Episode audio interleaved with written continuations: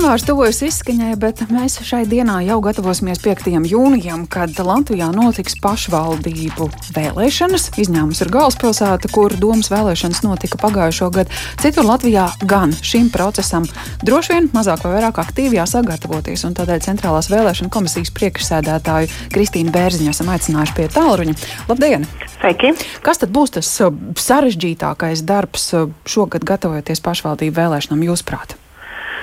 Um, nu, grūti spriest par sarežģītību. Protams, ka šīs vēlēšanas mums atšķirsies uh, vairākos aspektos. Nu, pirmkārt, jau tās notiks apvienojamo novadu jaunajās teritorijās. Līdz ar to pašvaldību vēlēšanu komisijām tieši uh, varbūt mainīsies tā specifika. Jā, iepriekš uh, bija neliels skaits iecirkņu pārziņā, tagad būs lielāks skaits. Uh, protams, mūs arī visus satrauc. Uh, kāda būs situācija ar Covid-19 izplatību, bet nu, visdrīzāk kā jau tas notiks. Un, um, nebūs tā situācija uzlabojusies tik tālu, ka nebūs nepieciešami šie visi epidemioloģiskie pasākumi. Uh, vēlētājiem droši vien tas jaunums um, arī būs, ka šo, šo, šoreiz pirmo reizi Tāda pašvaldību vēlēšanās vēlētāju saraksta papīra formātā vairs netiks mhm. veidoti pirms vēlēšanām, un attiecīgi varēs doties balsot uz jebkuru savas pašvaldības vēlēšanu iecirkni. Um, tad sanāks, ka tas, tas būs jau tajās jaunajās administratīvajās teritorijās, tātad iespēju aiziet iecirkņu būs vairāk, kur nobalsot.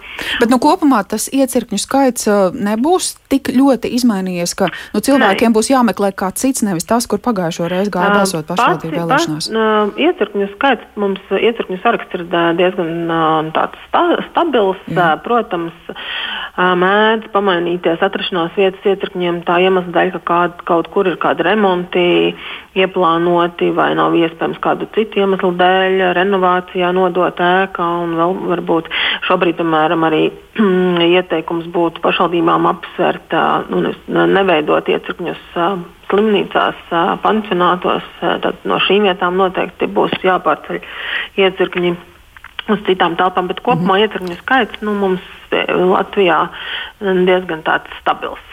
Tā kā, Tur, bet šo informāciju arī, protams, būs iespējams uzzināt gan arī Pilsonības migrācijas lietu mhm. pārvaldes e-pakalpojumā, gan Centrālās vēlēšana komisijas uzziņu tādu kā ierasts. Nu, līdzīgi, šeit būtu līdzīgi kā saimnes vēlēšanās, kad var iet uz jebkura iecirkni, tad var noskaidrot savas pašvaldības ietvaros tuvāko.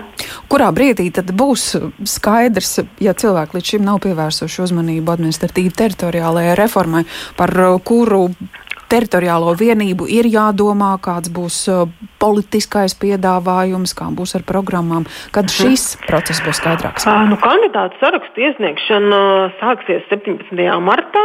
Nu, es domāju, ka tas arī būs visdrīzāk tas brīdis, kad arī daļa sabiedrības vairāk sāks iesaistīties un uh, domāt par vēlēšanām. Uh, savukārt, Vēlēšana iecirkņu saraksts mums arī jāprecizē, būs līdz martam.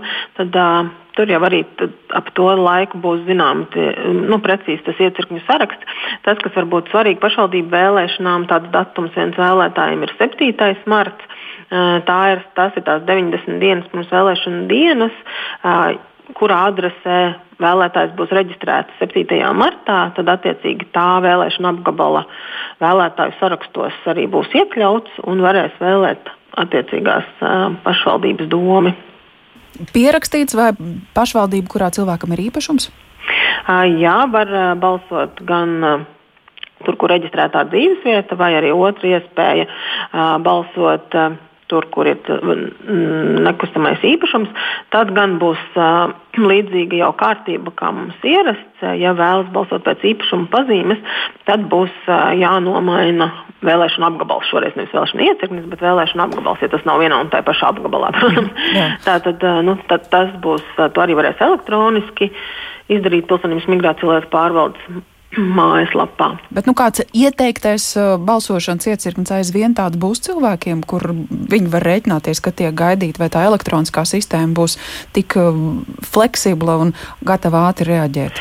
Nu, šobrīd mums ir pro, tas, tā ietver un projekts, pie kā mēs strādājam, ka visos vēlēšanu iecirkņos būs pieejams tieši elektroniskais tiešsaistes vēlētāju reģistrs, kas nodrošinās to, un vēlētāju pases, tātad ID kartes tiks nolasītas ar viedierīcēm atzīmējot vēlētāju šajā elektroniskajā vēlētāju sarakstā, tas nodrošinās, ka bez maizējot uz citu iecirkni, Tur vairs nobalsot nevarēs, jo vēlētājs jau būs atzīmēts šajā elektroniskajā reģistrā. Uh mhm. -huh. Un vēl par to iespēju, kas ir balsošana pa pastu, uz kuru vēlētāju uh -huh. daļu tā attieksies un kā tas notiks? Jā, tas ir vēl viens jautājums.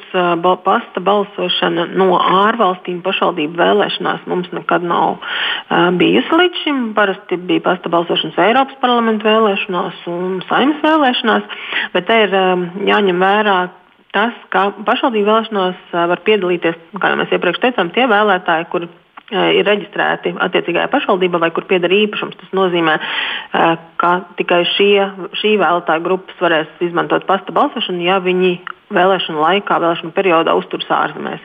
Un tā iespēja arī ir elekt, nu, da, caur internetu, elektroniski, pirms būs jāpiesakās, ka jūs vēlaties balsot pa pastu, un tad uz jūsu norādīto e-pasta adresi vai oficiālo e-adresi tiks nosūtīta saitīte, kur uh, ir pieejami attiecīgā vēlēšana apgabala zīmes, un tad uh, pašam arī būtu vēlētājiem jāizdrukā šīs m, atbilstošā zīme, par kuru viņš vēlētos balsot, un jāievieto vienā vēlēš, uh, aploksnē, Jā. un šī vēlēšana pasta aploksne jāievieto otrā reģistrācijas aploksnē, kas tad vairs nav anonīmas, tās būs jānorāda prasītās ziņas, bet tas būs arī pievienots klāt pamācībā. Noteikti temati, pie kuriem atgriezīsimies, kad vēlēšanas Jā, nāks vēl tuvāk. Paldies par šo sarunu, saka Centrālās vēlēšana komisijas priekšsēdētājai Kristīnai Bērziņai. Tātad 21. janvārs diena, kad ir izsludinātas pašvaldību vēlēšanas, tas notiks šovasar 5. jūnijā.